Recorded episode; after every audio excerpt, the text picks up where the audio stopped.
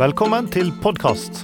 Dysleksi Norges egen podkast. Jeg heter Dan. Og jeg heter Gina. Vi er podkastvertene deres, og denne episoden har vi laget for familiene og foreldrene til de med dysleksi, dyskalkuli og spesifikke språkvansker. Og Vi starter denne episoden med at du, Gina, tar en prat med mora di, Gunhild Jevne Bakken, om hvordan hun opplevde det å ha ei datter med dysleksi. Når var det første gangen du tenkte at jeg hadde dysleksi? Ja, eh, du var jo et eh, veldig skravlende barn. Så sånn muntlig var det jo aldri noe problem. Men eh, når du ble seks år, og du hadde problemer med å skrive navnet ditt, som da består av fire bokstaver, Gina, så begynte vi å lure litt. Du hadde jo en bror som er, eller har en bror som er eh, to år eldre enn deg, og han eh, skrev jo navnet sitt Kristoffer som fireåring, så da syns vi kanskje det var litt grann merkelig at eh, du ikke fikk til å skrive Gina da, som seksåring. Du skrev G-en, og så skrev venninna di resten. Mm. Ja. Det var vel i slutten av barnehagen, var det ikke Ja, det var i barnehagen. Og så begynte jeg jo på skolen. Ja. Og da begynte jeg først på enbarneskole. Ja. Da begynte du på Kringsjå skole i første klasse. Og første klasse gikk vel egentlig ganske greit. Eh, Vi var vel litt sånn lurte litt. eh, Men det var nok i andre klasse at eh, vi eh, syntes at det ble litt rart at du ikke klarte å få med deg riktig alle bokstavene og, og sånn, da. Eh, Vi tok det jo opp med læreren i andre klasse, men eh, da er jo den her klassiske vent-og-se-holdningen som eh, vi fikk høre. Ulempen for deg var jo at du i slutten av andre klasse måtte bytte skole, fordi at vi, vi flytta rett og slett til en annen skolekrets. Og da ble det jo som å begynne på nytt. Så vi tok det opp med læreren i tredje klasse, og hun sa at det er nok bare å vente og se. Hun ville jo bli kjent med deg på, på nytt, da, så det var jo ikke så rart. Eh, I eh, fjerde klasse så var vi veldig eh, bekymra, egentlig. Men eh, vi var vel ikke sterke nok til å stå på hardt nok for deg til å var først i femte klasse, når du mista alt som het selvbilde og selvtillit, og bare gråt og sa at eh, 'Jeg klarer aldri å lære å lese. Jeg er dum, og jeg fikser ingenting.' At vi liksom våkna veldig fra dvalen vår, da, og forlangte at eh, 'Nå må vi til PPT'. Men vi satt jo masse, eller hver ettermiddag med skole fra egentlig fra første klasse Ja. og opp til femte klasse Vi- og videre. Vi prøvde og prøvde og Jobba og jobba. jobba og jobba. jobba, jobba. Jobba, jobba. Det var det Ja.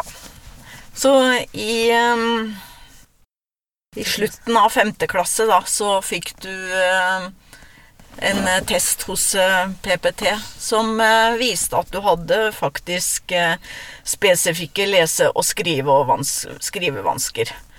Og det ble jo en veldig lettelse for deg, for da kunne du jo si hvorfor. Da skjønte du hvorfor du ikke da klarte å lese akkurat så lett som alle de andre gjorde, da.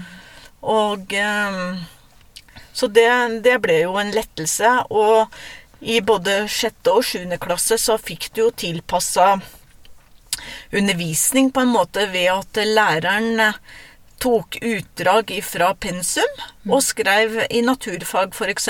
så skulle ikke du både kunne om mauren og eh, Marken. om marken, men eh, bare kanskje det ene, da. Og du skulle slippe å lese alt som sto der. Hun hadde skrevet faktisk eh, et lite utdrag og limt inn i boka di om et lite avsnitt som var det viktigste sånn om akkurat, ja, Ja. om akkurat da det temaet. Så hjelpen begynte jo allerede når jeg hadde fått diagnosen i Ja. klasse. Så jeg, og jeg gikk jo på sånn lesekurs og lesetrening og sånn, men det var vel på en måte mye annet i meg som kanskje hadde allerede blitt litt ødelagt. Ødelagt, da. Ja, i forhold ja, til- for det å, å fikse selvtilliten og selvbildet er jo ikke gjort i en fei når en først har fått seg en knekk. Mm. Og eh, jeg tror at eh, mange dyslektikere også kanskje eh, blir litt ivrige etter å få bekreftelse fra venner. Og, og alle andre rundt Ja, seg. og alle andre rundt seg. Men eh, det ble kanskje litt slitsomt for vennene dine, da. Fordi det var du som sto for praten, for du ville ha kontroll hele tida over hva som skulle skje. Jeg var så ivrig på å bli likt. Ja. Og vise at jeg også kunne noe. Mm. Og da ble det nesten så du skjøv eh, vennene eh, vekk Fra deg, da. Mm. Og det er, jo, det er jo en tøft for en mor også å se. At uh, når storebror kommer hjem at og sier at ja, hun går faktisk alene i friminuttet, så er jo det Ja. veldig, veldig hardt. Ja. Uh, Da fikk vi en fra PPT som var og observerte i klassa, og som tok litt tak i det. Og læreren tok også veldig tak i det og prøvde å få til litt mer sosialt, da. Men eh, alt det her var jo veldig spent på når det nærma seg ungdomsskolen. Ja, for dette var jo barneskoleåra. Ja, og da er det jo ikke så vanskelig. Men eh, når eh, jenter kommer på ungdomsskolen, og du skulle over på ungdomsskolen, og det skulle være karakterer inne i bildet, og så var vi jo kjempespente på hvordan det skulle gå. Det var jo Ja. Og jeg begynte jo i en klasse der jeg ikke kjente så veldig mange òg. Mhm.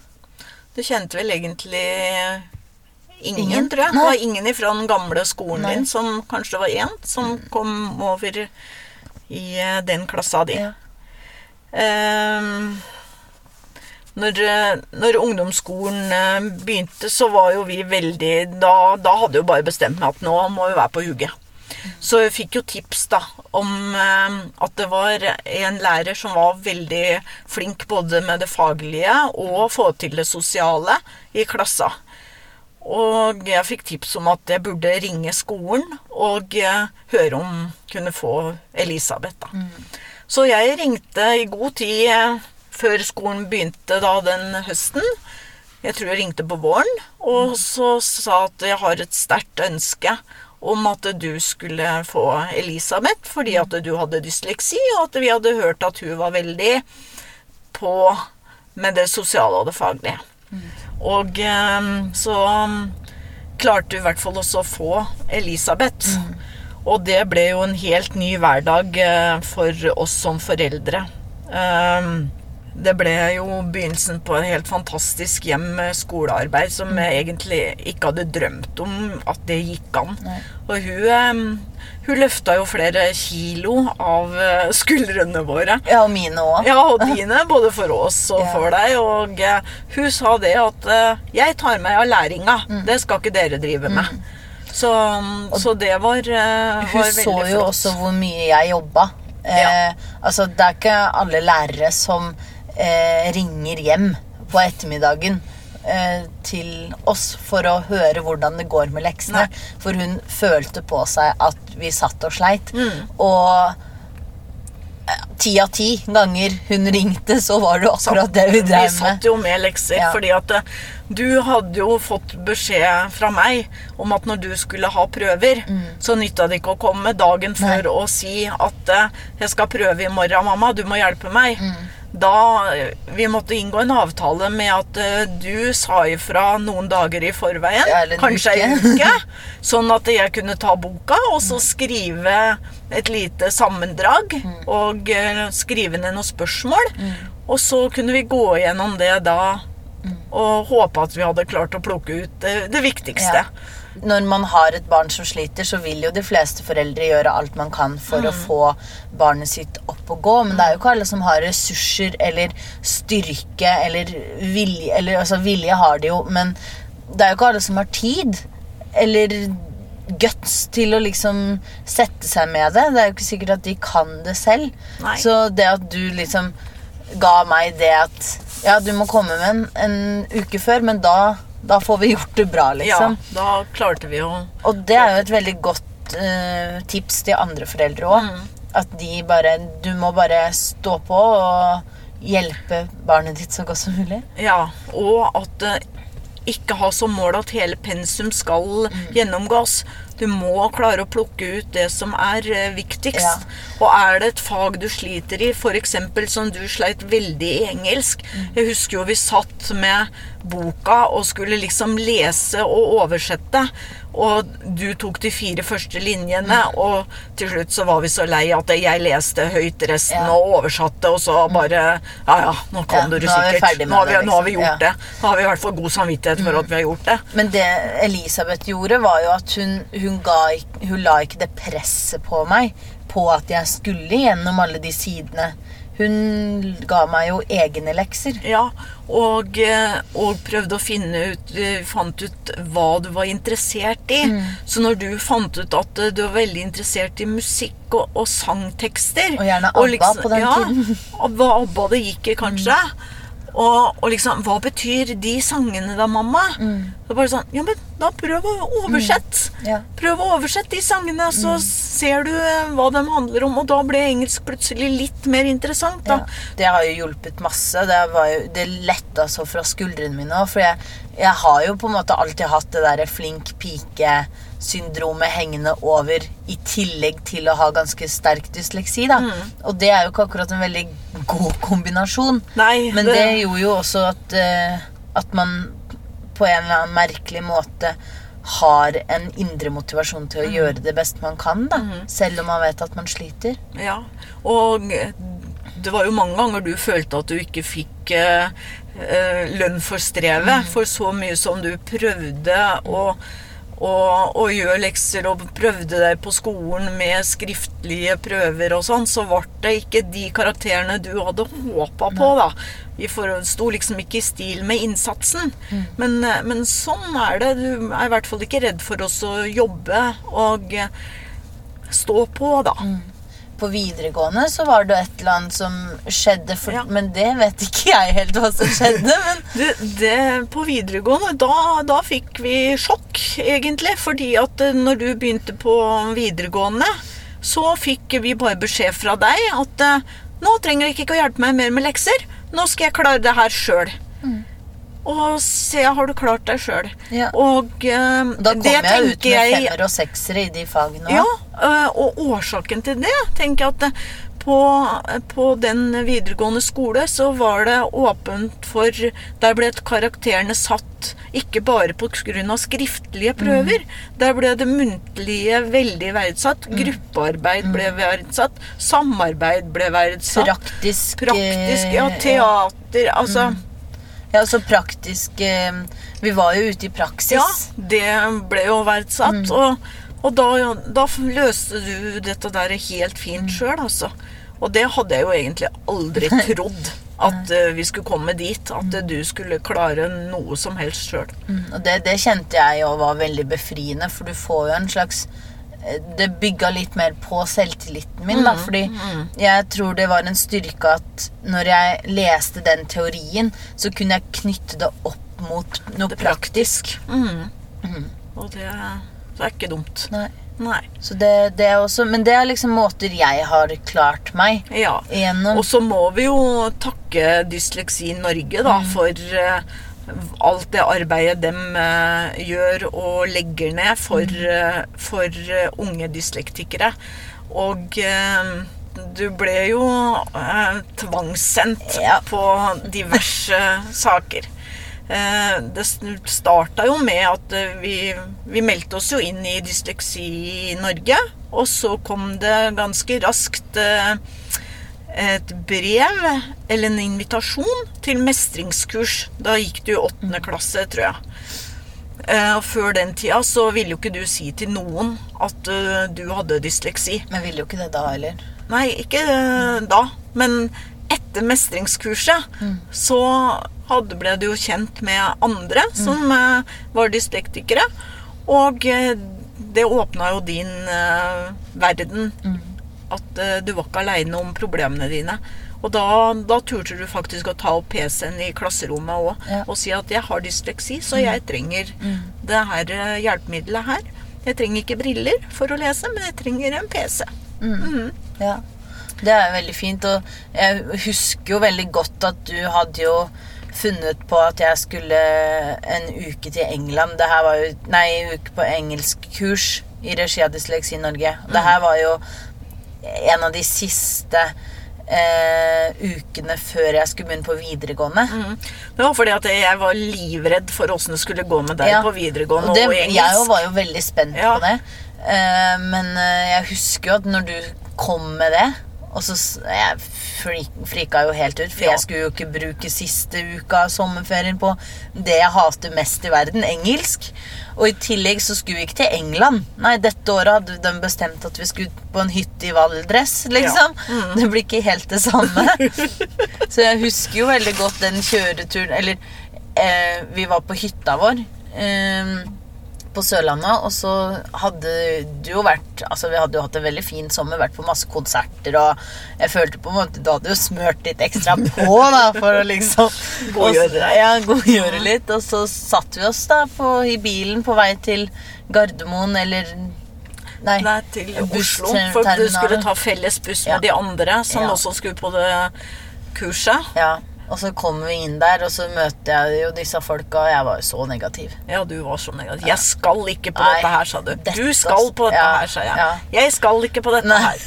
Du skal på dette her. Du dør ikke av om du må være på engelskkurs i ei uke. Nei, ikke sant? Dette går Dette bra. Dette overlever du. Og jeg var så irritert, og jeg ble så åh. Og så kom vi jo dit, da, og så satt vi oss i bussen, og så fant jeg jo ei som jeg begynte å skravle med, og de tre timene opp til Valdres gikk jo veldig fort.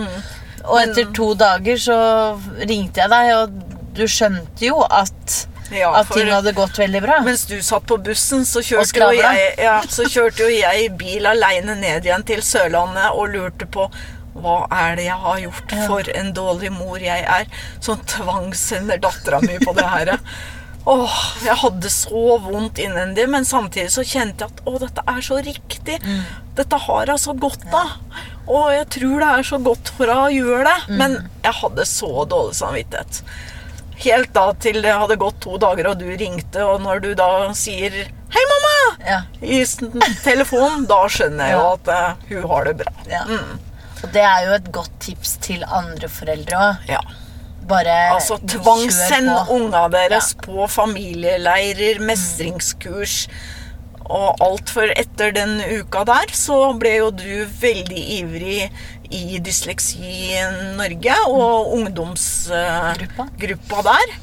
Og det har jo utvikla deg veldig, Ja. veldig også. Så Ja. det er så, så flott. Og det er jo litt gøy å tenke på fra å ikke tørre å snakke om at man har dysleksi, til å stå og holde foredrag foran masse lærere Mm. Ja. og foreldre og andre ungdommer og fagpersoner og i det hele tatt. Ja.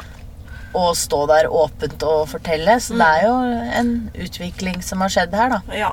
Så den, den største Altså det, kan, det beste råden egentlig kan gi, og det, det er jo ikke det at du har mest mye utfordringer Du har jo mye utfordringer med skole og den biten òg, men man har mye utfordringer med barna òg. Og å få dem av gårde på sånne, sånne ting det, La dem møte andre barn som er i samme situasjon. Da gjør det et eller annet med, med barnet. Ja. Og din uttalelse da, etter at du hadde kommet deg godt inn i Dysleksi eh, Norge, var jo at jeg er så glad for at jeg har dysleksi, mamma. For jeg lærer så mye. Ja. Hvem skulle tro det? Nei, hvem skulle tro det? Takk for at du eh, ble med på denne podkasten, mamma. Bare hyggelig. Det var mitt intervju. Nå skal du i Illendan, og du har jo tatt en prat med hele familien din, du. Ja, det har jeg. Bare hør her.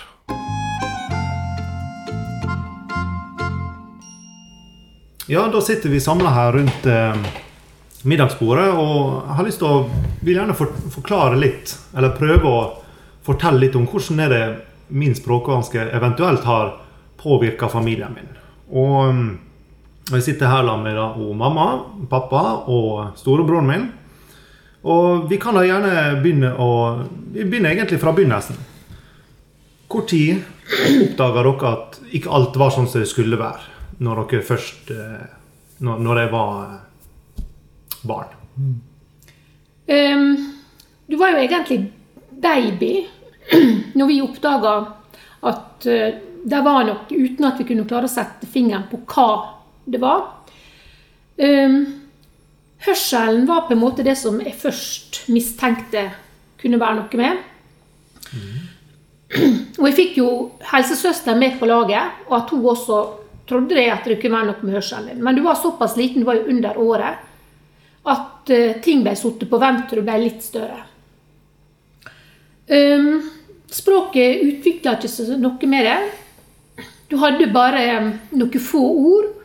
Og du var satt egentlig ofte i dine egne tanker og var ikke så veldig deltakende hvis ikke vi hadde direkte øyekontakt med deg og sånt. Mm. Um, når du var på toårskontroll, så ble dette her tatt opp igjen. Og ehm, vi ble henvist til Audopedagogisk avdeling i Ålesund.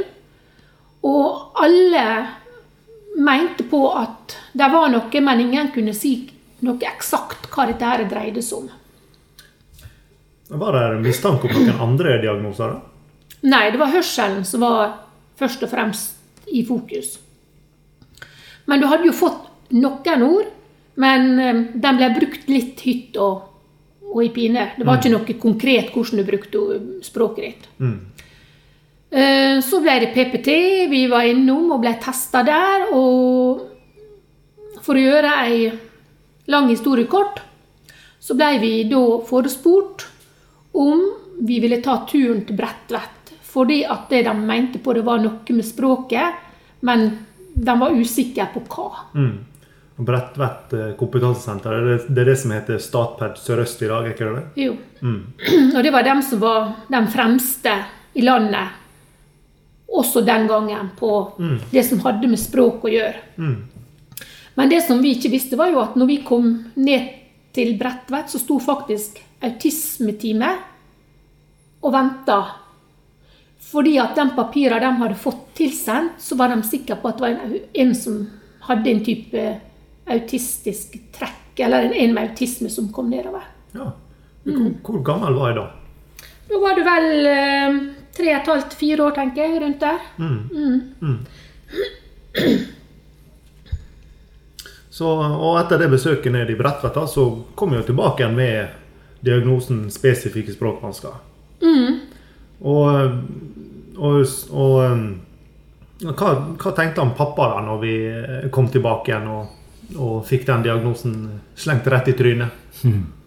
Ja, det var ikke så lett å å forstå hva det innebærer egentlig, spesifikke språkvansker. Det var først å sette noen ord på hvordan det var.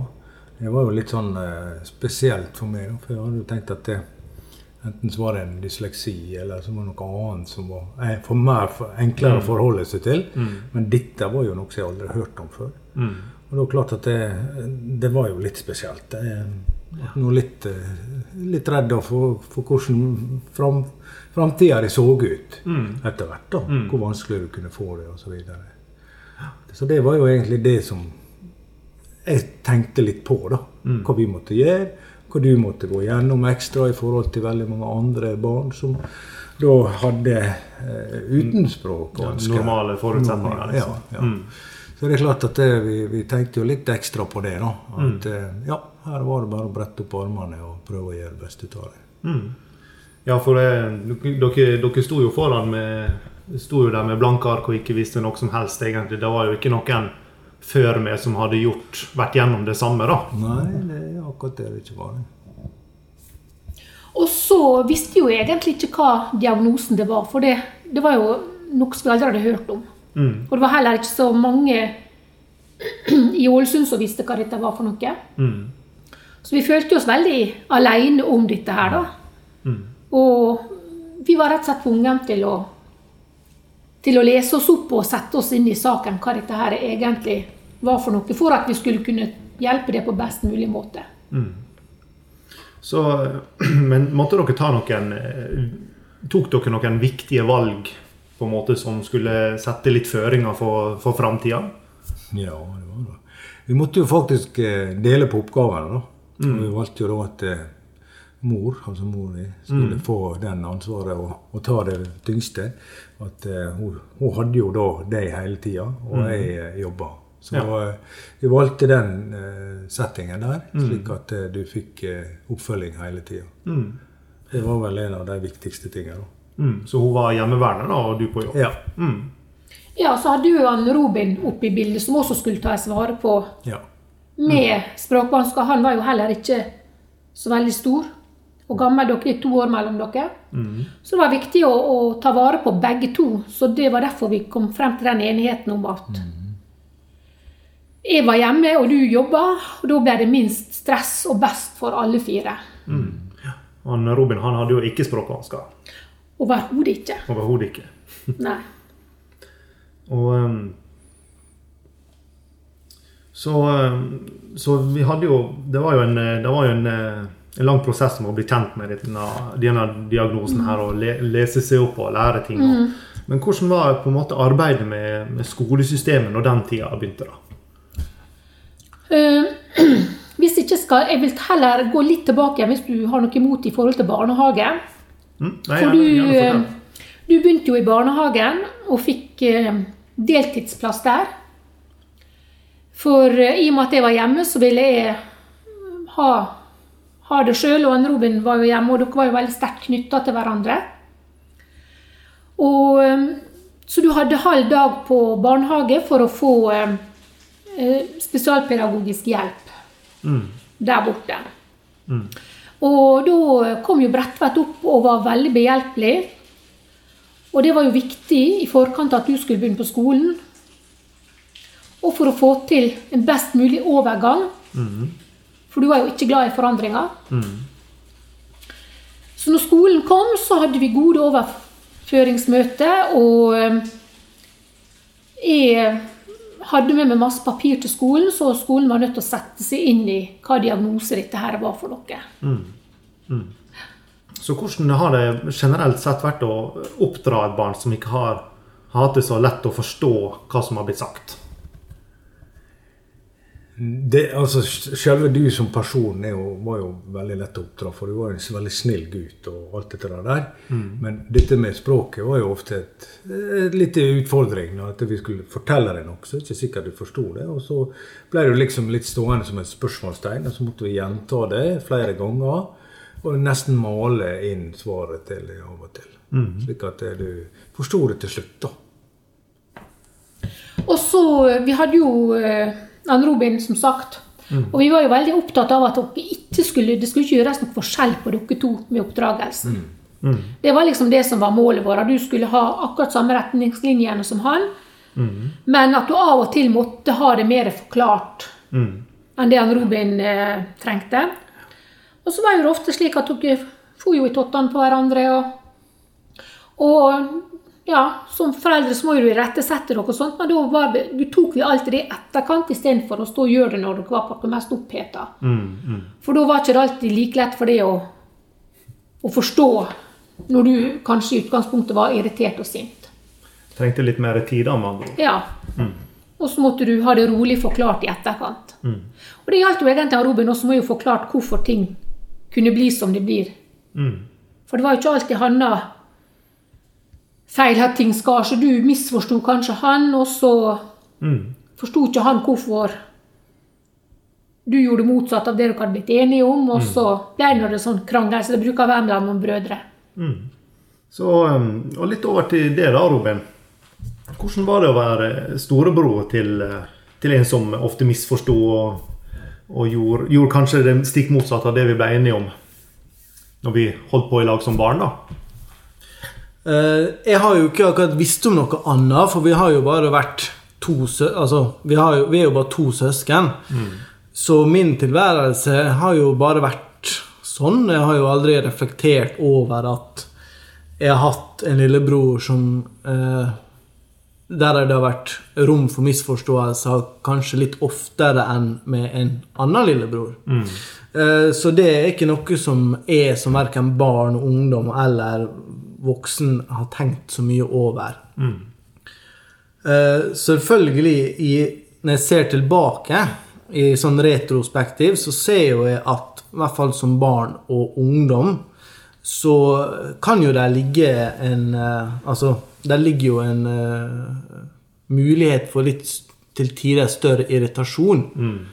Fordi at kommunikasjon eh, har vært litt vanskeligere. Men vi har hatt eh, begge en god oppdragelse med klare linjer for hvordan vi skal behandle hverandre, og vi har hatt eh, tett oppfølging på, på alle mulige plan, så jeg synes vi der har vi klart oss veldig bra, og vi har jo et, et godt og eh, sterkt eh, forhold både brødremessig og et kameratskap dag, den dag i dag, da. Så jeg tenker at dette har vært eh, Ja, det har gått veldig bra.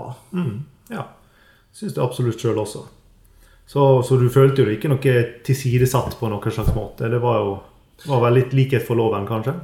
Ja, jeg følte aldri at uh, Altså, selvfølgelig, det kan sikkert ha vært enkelte episoder opp gjennom barndommen hvor man føler på at man er tilsidesatt, men jeg tror aldri at det hadde noe med diagnosen din. Det er bare Enkelte ganger blir andre forfordelt framfor en sjøl. Men det er sånn, dette er helt naturlig, Ja. tenker jeg, da. At det ikke har noe med diagnosen din.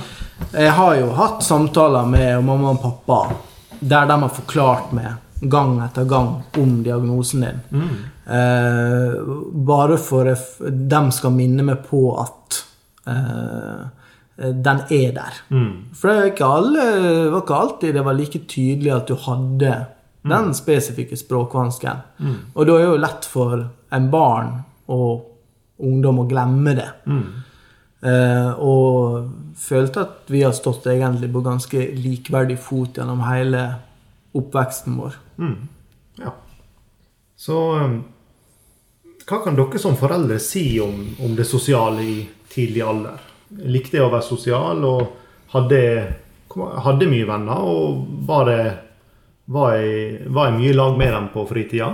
Bortsett fra kanskje den eh, vennegjengen som, eh, som storebroren min hadde.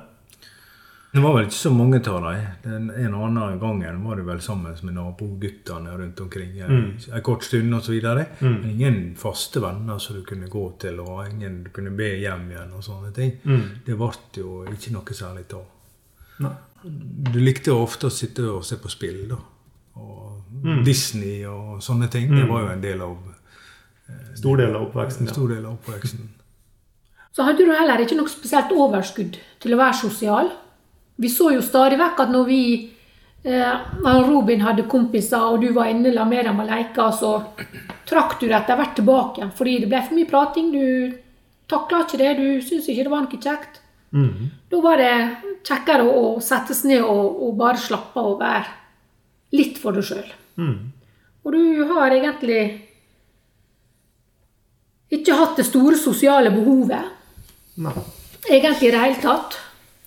Og eh, så har vi vel egentlig både jeg og, og pappa og også har Robin vært sparringpartneren din i det å være sosial etterpå. Så, så jeg tror nok den sosiale biten sleit mer på oss som mamma og pappa enn på det. Det tror jeg nok. Tenkte dere noen gang på at eh, kanskje eh, Eller var dere bekymra for at barndommen kunne bli skygga over, siden det skulle liksom gjennom det, det samme som alle andre på, på skolen? Samtidig, eh, men, men, og samtidig da, trengte så veldig mye mer tid på, på å gjøre akkurat det samme. Jeg brukte jo veldig mye tid på, på lekser og skolearbeid etter skolen også. Eh, nei, den tanken har faktisk ikke streifa meg, egentlig. Fordi at eh, Jeg tror nok det du opplevde at du måtte gjøre mye mer lekser enn sånn som f.eks. Robin. Men samtidig så hadde vi mye kos rundt leksesettinga. Og så hadde du dine fritidsaktiviteter som du gikk på i tillegg, så du satt aldri i mange timer i strekk.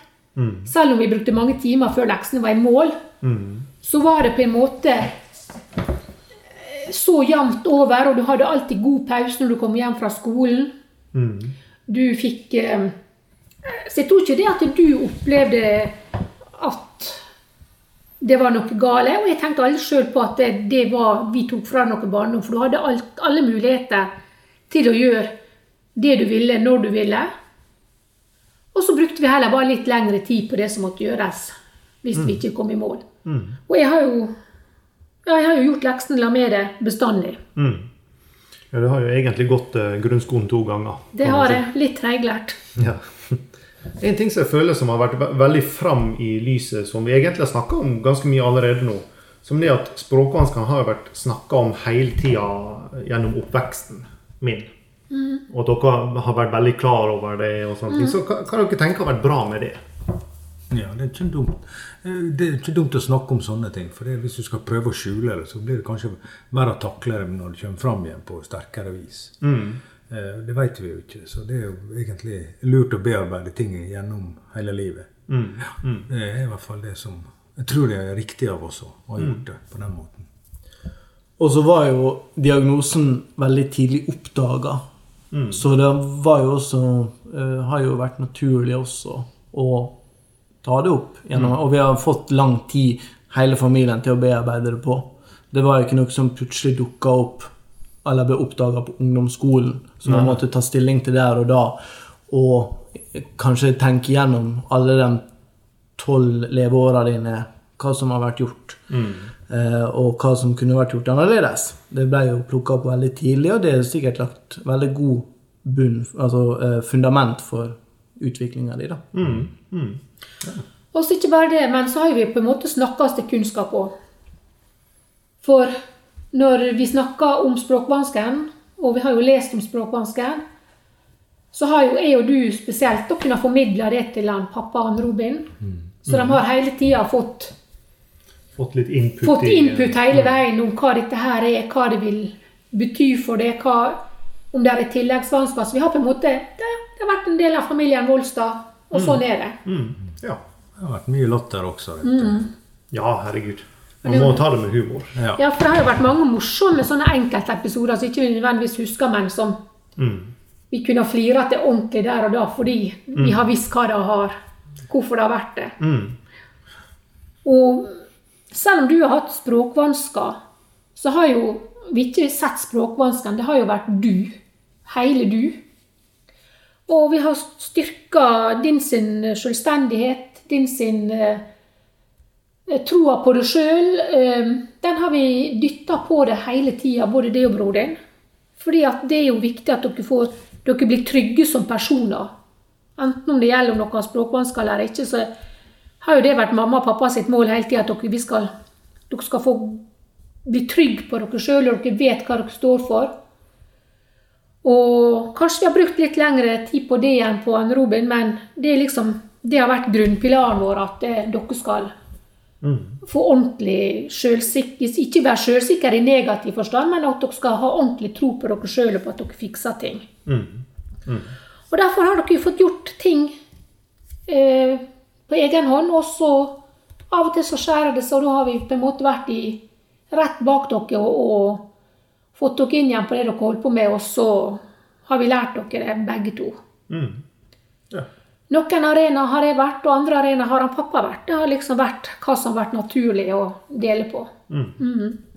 Eh, men du, da, som voksen med spesifikke språkvansker, hva slags eh, tanke sitter du igjen med om den hjelpa du har fått uh, på skolen? Ble det for mye? Følte du at du ble pressa? Og skulle du vært noe foruten Og skulle du vært noe foruten? Eh, eller mangla du noe i form av hjelp? Det er jo sikkert mange foreldre der ute som har barn med SSV, som lurer på hvor langt en mor eller far kan presse barnet sitt. Ja.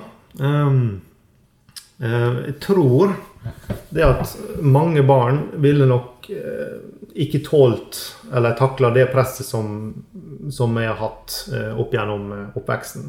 Og rett og slett ikke orka lenger. Eh, og jeg kan jo fortelle at eh, min hovedmotivasjon da, gjennom skolegangen, bare for å ta det først, så har jo det alltid vært å aldri legge skylden på språkvansken hvis jeg ikke klarte mer.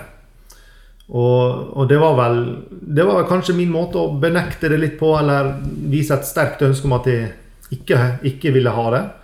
Og dette høres jo kanskje ut som en veldig god oppskrift på, på det å møte den berømte veggen. Men jeg har jo, jeg har jo klart å unngå den gjennom skolegangen pga. nettopp familien som jeg har hatt rundt meg.